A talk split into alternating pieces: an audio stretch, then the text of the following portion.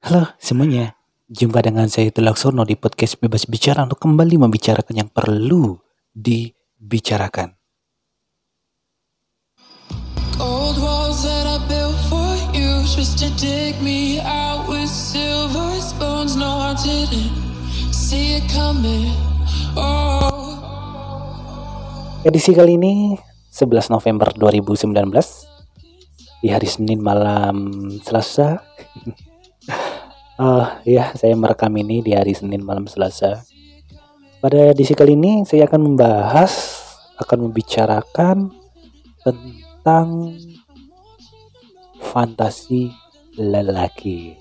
Wow.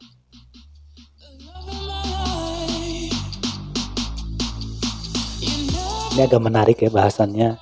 Jadi kalau kalian yang pria-pria mendekat,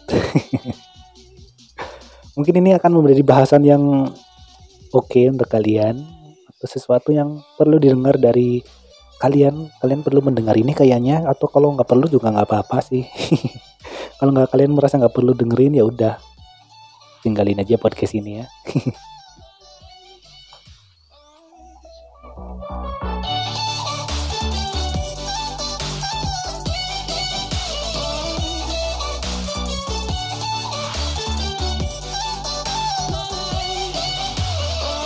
fantasi atau pandangan laki-laki terhadap wanita. Ini saya akan membahas tentang ini ya.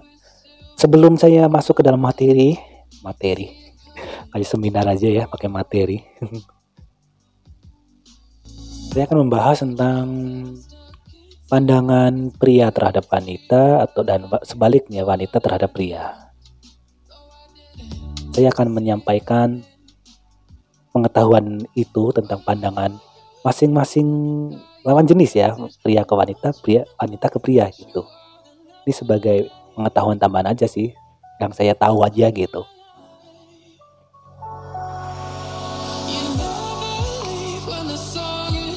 Biar agak eh, oke saya akan putar eh, back sound instrumen aja ya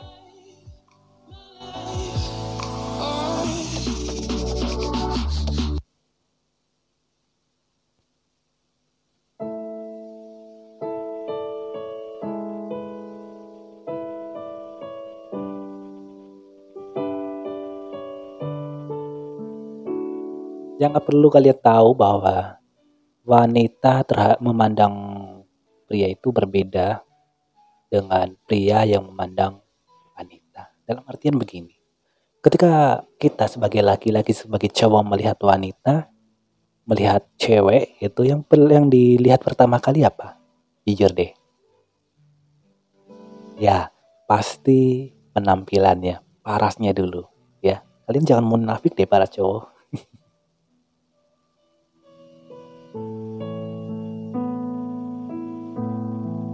Ya, ketika seorang pria, seorang laki-laki, seorang cowok itu melihat seorang wanita, saya yakin yang dilihat pertama kali adalah penampilannya, parasnya, wajahnya cantik atau enggak gitu ya.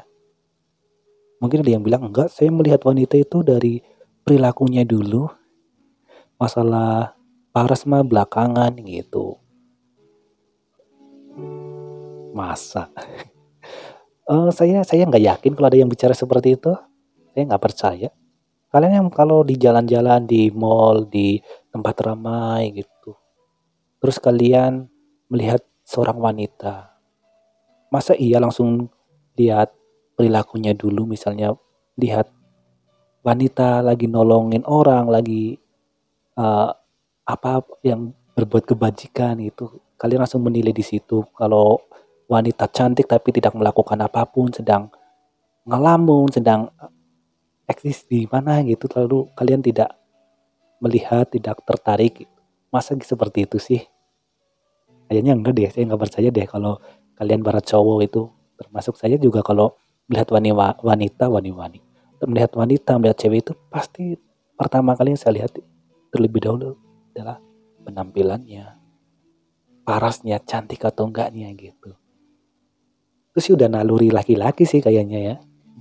Kalau kalau laki-laki tidak seperti itu kayaknya perlu di ah ini Jack dicek keaslian atau keoriginalan prianya.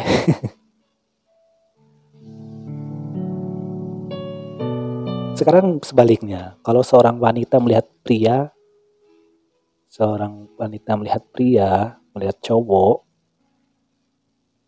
itu biasanya sih nggak dilihat dari penampilannya dulu sih. Biasanya benar kalau wanita melihat uh, lawan jenisnya itu biasanya dari ini aja sih, biasanya dari perilakunya ya, dari sifatnya gitu.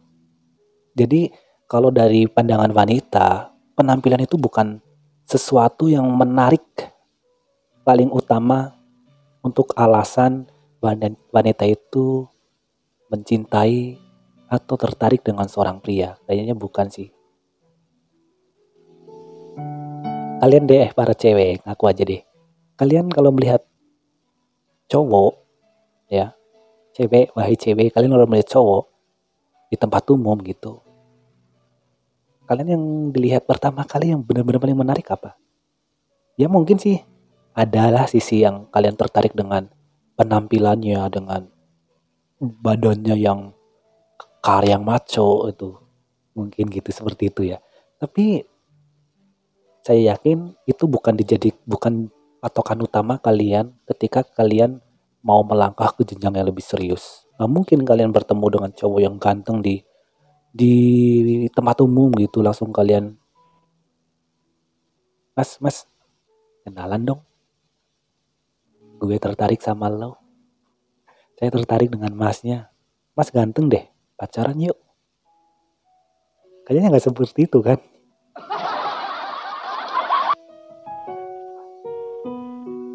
ya ya saya sih menerima ketika mungkin wanita juga melihat penampilan seorang pria itu perlu. Tapi saya yakin penampilan seorang pria, seorang cowok dari di mata wanita itu bukan utamanya sih. Untuk kalau masuk ke dalam jenjang hubungan gitu, hubungan percintaan, asmara, apalagi sampai ke jenjang pernikahan, saya nggak seperti itu sih. Eh, sekarang saya balik ke cowok ya. Kenapa saya bisa beralasan seperti itu? Karena lihat aja deh, kalian di tempat umum, di mall gitu ya. Kalian lebih banyak melihat wanita cantik dengan pria yang yang yang yang yang kurang ganteng nggak? Sering lihat gitu nggak? Wanitanya cantik, tinggi, mulus, bening, tapi prianya biasa aja, bahkan mungkin lebih ganteng dengan kamu gitu. Pernah lihat seperti itu nggak sih kalau di tempat umum? kalau kalian sering di tempat umum, di mall atau di tempat wisata itu pasti pernah atau sering melihat pemandangan seperti itu.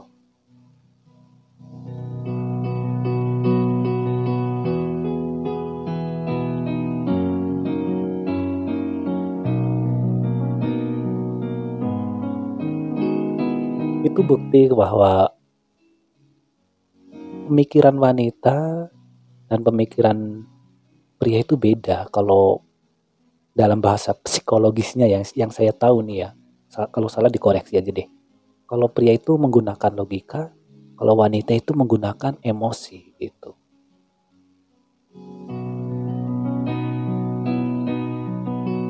Jadi kalian paham apa yang saya maksud kalian mungkin juga masih bingung ya kenapa kok saya yang ganteng seperti ini kok tidak berhasil mendapatkan cinta sang wanita yang cantik, lemah gemula yang mulus. Kenapa dia lebih memilih pria yang tampangnya biasa aja daripada saya yang ganteng? Mungkin kalian ada yang keres, memiliki keresahan seperti itu kan, wahai para pria. Sebenarnya itu hal wajar, bukti bahwa wanita itu biasanya dalam menilai seorang pria, melihat seorang pria itu mengandalkan emosinya. Kalau udah merasa nyaman, udah merasa uh, cocok ya udah. Masalah tampang masalah apa biasanya tidak terlalu dipusingkan. Karena wanita itu biasanya tertarik itu dengan apa namanya ya perilakunya sikapnya ya gentlemannya gitu. Punya intinya kenyamanan aja sih kalau di wanita ya. Kalau menurut saya sih kok ke sebuah perkenalan lalu nyaman itu sih biasanya. Ya bukan berarti wanita itu meremehkan penampilan. Jangan kalian pria ya jangan kalau saya tahu saya memberitahu ini lalu kalian berpenampilan acak-acakan apa adanya kan wanita tidak menilai dari tampilan. Ya berarti saya cuek dong penampilanku. Bukan seperti itu maksudnya tapi kalian berpenampilan semenarik mungkin itu hanya untuk menarik perhatian wanita aja ya. Ketika wanita itu sudah misalnya masuk ke dalam perkenalan mengenal kita, yang di yang di ini yang di utamakan wanita itu bukan betapa kayanya kamu, betapa gantengnya kamu, bukan, tapi kenyamanan. Apa yang kamu katakan, sikapmu, kedewasaanmu dalam berpikir, dalam bersikap itu itulah yang menentukan wanita nyaman atau enggak dengan kamu gitu wahai pria. Jadi seperti itu. Oke, saya masuk ke dalam bahasan yang ini ya yang saya jajakan tadi itu pandangan laki-laki terhadap wanita ya. Karena wanita itu eh wanita sorry sorry ini salah ngomong. Karena pria itu dalam menilai seorang wanita itu dengan objek mata gitu dengan pandangan mata. Otomatis sering kali seorang wanita itu dijadikan fantasi seksual oleh pria. Ini agak agak gimana ya tapi saya akan lanjutkan aja. Begini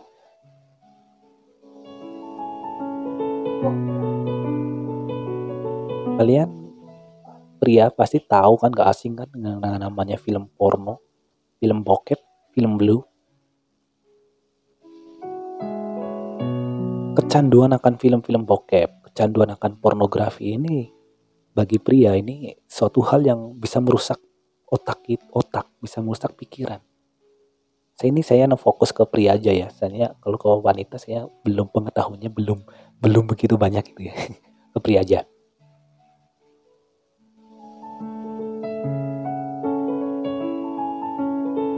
Efek kebiasaan nonton film porno, efek kebiasaan nonton film bokep, apalagi sampai tingkat kecanduan akut. Ini bukan hanya tentang dosa, tentang moralitas atau spiritual itu hal yang berdosa karena menonton film bokep itu adalah kebiasaan yang negatif dan itu dilarang agama sih. Kalau secara hukum agama itu sebenarnya melanggar moralitas agama gitu. Tapi sebenarnya bukan hanya tentang hal itu saja, tetapi ini juga berkaitan dengan bagaimana cara berpikir, bagaimana cara kita berperilaku ketika kita sudah tercandui oleh film-film bokep, film-film blue atau pornografi gitu.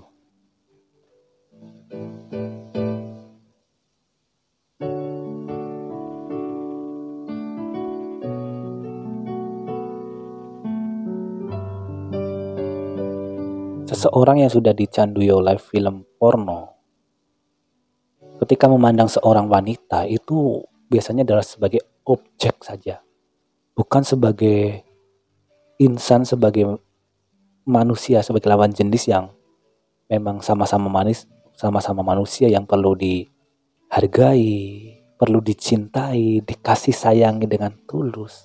Tidak. Ketika seorang seseorang seseorang terutama pria ya khususnya pria lah, khususnya pria, sudah tercandu akan film-film porno. Dalam memandang wanita itu hanya sebagai bahan fantasi aja atau bahkan bahan objek, objek untuk seksualnya, untuk menyalurkan libidonya.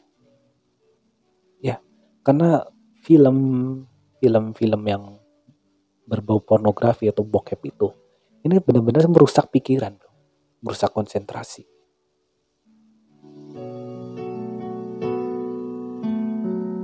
Hal pertama ketika kalian tercandu oleh film-film porno yang paling utama adalah merusak fokus kalian. Kalian jadi tidak konsentrasi. Kalian melakukan apa-apa tidak konsentrasi karena kalian akan terlalu terbayang-bayang oleh adegan-adegan di film porno itu. Sehingga kalian melakukan apa-apa pun sulit fokus gitu. Lalu biasanya kalau film bokep adalah satu paket dengan masturbasi. Dan kecanduan masturbasi, kecanduan onani itu juga dampaknya sama dengan film bokep. Ya. Gini, saya tanya kepada kalian, ya. Ketika kalian habis nonton film bokep, kalian pasti masturbasi kan? Kalian pasti melakukan onani dan ketika kalian habis melakukan onani, kalian pasti merasa berdosa. Kalian merasa bersalah karena kalian telah sebenarnya sudah melakukan pelanggaran norma-norma. Kalian nonton bokep itu sudah salah ya. Terus kalian melakukan masturbasi itu juga sudah salah. Dalam artian dalam tatanan aturan moral kalian, pemikiran kalian itu sebenarnya kalian saat kalian sadar kan itu salah. Itu bukan hal yang lumrah ketika kalian melakukan masturbasi terus setelah nonton film porno kalian tahu kalian itu salah dan sadar kalian itu berdosa. Makanya ketika kalian melakukan habis melakukan itu kalian masih berdosa, masih bersalah gitu ya. Iya kan? Tapi jahatnya dari kekuatan dari kecanduan akan film itu. Setelah kalian melakukan itu, kalian masih bersalah itu. Beberapa waktu kemudian, jam dari kemudian ketika libido kalian menang, libido kalian meningkat, kalian pingin nonton lagi. Nonton lagi bukan satu video itu lagi. Biasanya canduan film porno itu bukan tentang kalian ingin menonton itu lagi, itu lagi, tetapi kalian ingin menonton yang lebih beda, lebih penuh dengan sensasi gitu. Awal-awal kalian tercandu film porno, awal-awal mungkin kalian cukup dengan wanita telanjang melakukan adegan seksual itu itu aja. Tetapi di tontonan berikutnya kalian ingin yang lebih lebih beda, lebih beda, lebih beda, lebih beda lagi. Jadi ini sama dengan narkoba. Ketika kalian narkoba kan, saya sih belum pernah narkoba, amit-amit lah jangan sampai. Yang saya tahu, yang saya dengar bahwa ketika orang kecanduan narkoba itu tidak cukup, tidak cukup satu apa namanya, uh, apa ya, maunya tidak cukup satu takaran aja ya. Kalau berbicara takaran, nanti di berikutnya di berikutnya itu pemakaiannya dosisnya lebih tinggi gitu berbicara dosis ya kalau narkoba jadi begitu pun dengan film porno kalian ketika nonton film porno yang pertama. Dan ke berikutnya itu berbeda. Bukan beda filmnya tapi beda. Kalian ingin lebih yang berbeda. Dan kalian nanti kalau sampai di akut kecanduan akut kalian akan merindukan merindukan kayak romantis banget. Dan akan mengharapkan adegan-adegan film porno itu lebih ekstrim, lebih aneh, lebih beda gitu. Nah ini yang merusak pemikiran kita. Ketika kita sudah dicanduin film-film porno, ketika kita sudah ini di apa namanya dibelenggu oleh kebiasaan itu, kalian dalam melakukan apa pun tidak fokus. Yang kalian dalam pikiran kalian adalah otak kalian ini isinya adalah porno, porno, porno, bokep, bokep, bokep. Sehingga ketika pikiran itu sudah digeluti hal itu, kalian memandang wanita, ya, ketika kalian di jalan ada wanita cantik, kalian tidak tidak hanya minta, wah wanita itu cantik ya, asik deh kalau pacaran. Tidak hanya seperti itu. Kalian akan dibarengi dengan kalian mendengar wanita itu cantik, lalu kalian melihat budinya, lalu kalian muncul fantasi-fantasi seksual, seksual dan adegan-adegan yang ada di film porno itu muncul dalam pikiran kita dan itu merasuk dalam diri dan untuk melihat wanita kalian langsung menilai bahwa wah wanita itu cantik kayaknya cocok nih untuk di diajak. Pasti enak nih kalau diajak adegan panjang gitu yang kayak di yang film-film yang sering ditonton gitu. Pasti pikiran-pikiran seperti itu kan jadi sebenarnya ada berbagai ribu kerugian ketika kalian kecanduan film porno ya. Mulai dari rusaknya pikiran kalian, rusaknya fokus kalian, dan masa depan kalian juga akan hancur ketika kami kamu sudah tercandu film-film itu. Karena gini, ketika kalian uh, nonton film porno, yang sebenarnya film itu adalah sebuah film yang hanya adegan-adegan semacam itu, kalian dalam memandang realitas kehidupan ini hanya dibarengi fantasi-fantasi saja gitu kalian dalam memandang wanita juga hanya sebagai objek, sebagai alat memuas memuas nafsu aja gitu. Karena sebagian besar di film porno itu kan wanita itu sebagai objek, sebagai untuk memuas nafsu budget pria gitu. Itu aja sih kalau yang sebagian besar film-film porno kan seperti itu. Nah ketika kalian sudah tercandu seperti itu ya kalian nikah pun sebenarnya misalnya kalian belum nikah kalian ingin menikah ketika kalian sudah tercandu di film porno kalian hanya karena hanya kalian kalian hanya ingin menyalurkan di video kalian. Kalian ingin memuaskan nafsu seks kalian supaya halal lah gitu. Tapi padahal kenyataannya nanti beda lagi.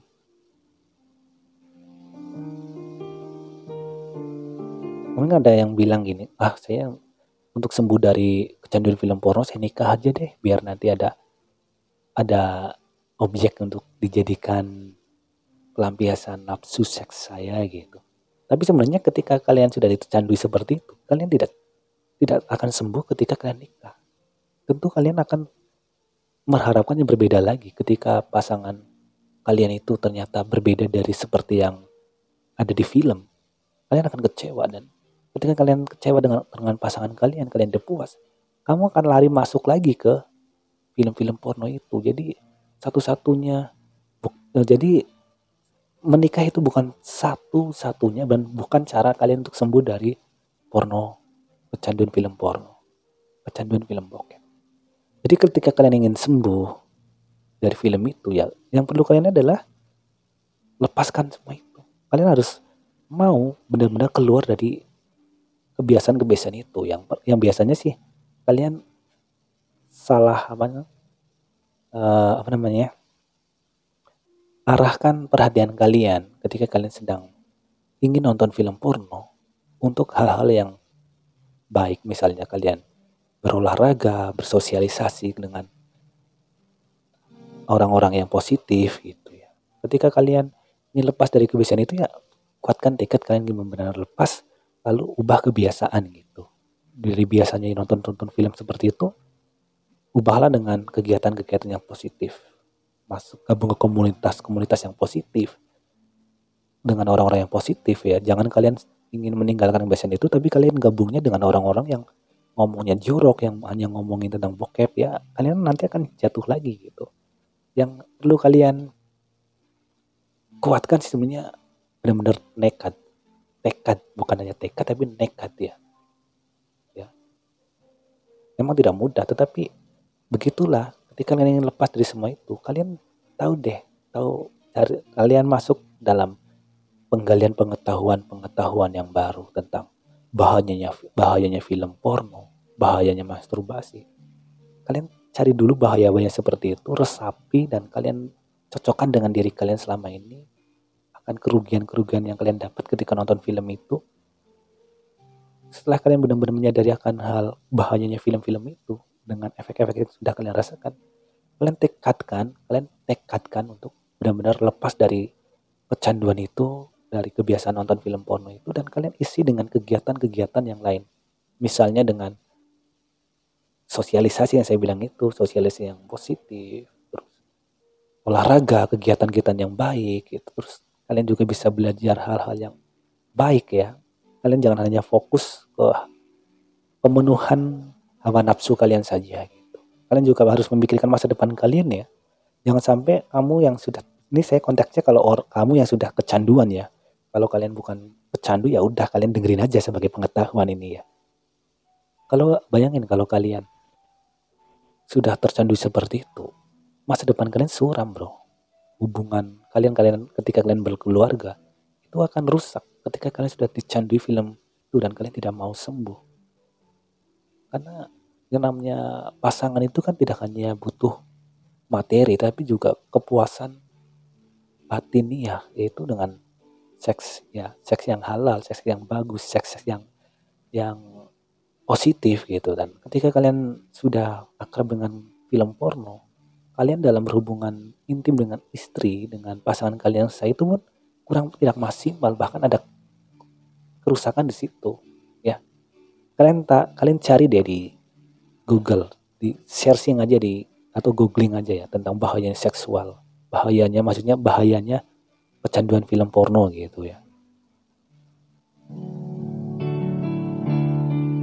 Jadi itu yang saya sampaikan, yang saya bagikan aja tentang bahayanya kecanduan film porno, tentang pandangan laki-laki terhadap wanita atau bahan wanita yang dijadikan objek seksual, fantasi seksual oleh pria ketika pria sudah benar-benar tercandui film-film porno.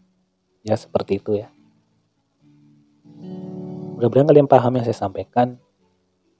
Ya, saya juga pernah berada di masa-masa itu di mana saya kecanduan film-film porno itu. Ya, saya, karena saya, saya bicara seperti ini yang saya sampaikan di belakang tadi, memang karena saya pernah mengalaminya gitu. Bagaimana tidak fokus, bagaimana saya memandang wanita itu hanya sebatas objek ya, objek fantasi. Ketika saya benar-benar dicandui oleh film-film porno. Makanya saya berubah, saya bertekad untuk meninggalkan film-film itu kecanduan dan kebiasaan nonton film itu.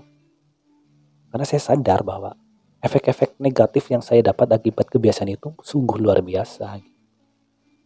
Kalau saya bisa, kamu pasti bisa meninggalkan itu semua. Ya, kita dekatkan diri kepada Tuhan, ubah kebiasaan yang negatif ke kebiasaan yang baik gitu ya. Ya. Ketika kalian pikirannya kalian mulai masuk ke arah-arah yang berbau seksual, yang berbau bokep, berbau porno ya, alihkan ke hal yang lebih lagi. Ya kalian kalian jangan yang terutama kalian jangan ngurung diri deh. Kalian jangan ngurung diri di kamar. Ya.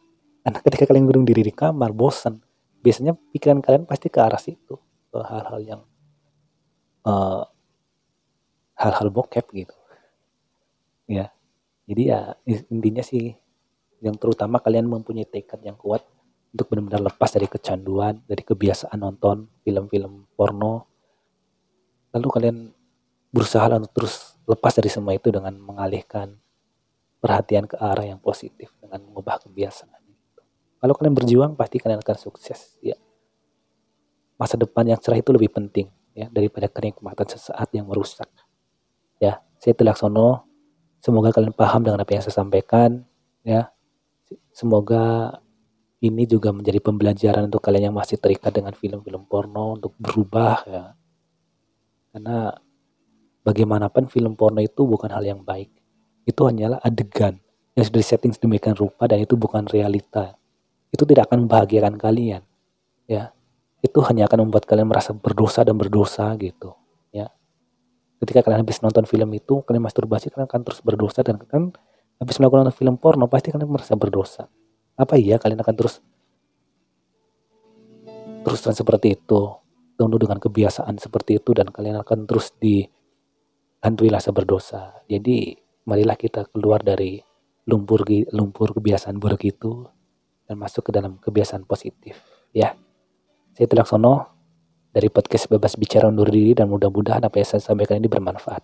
Ya. Bye.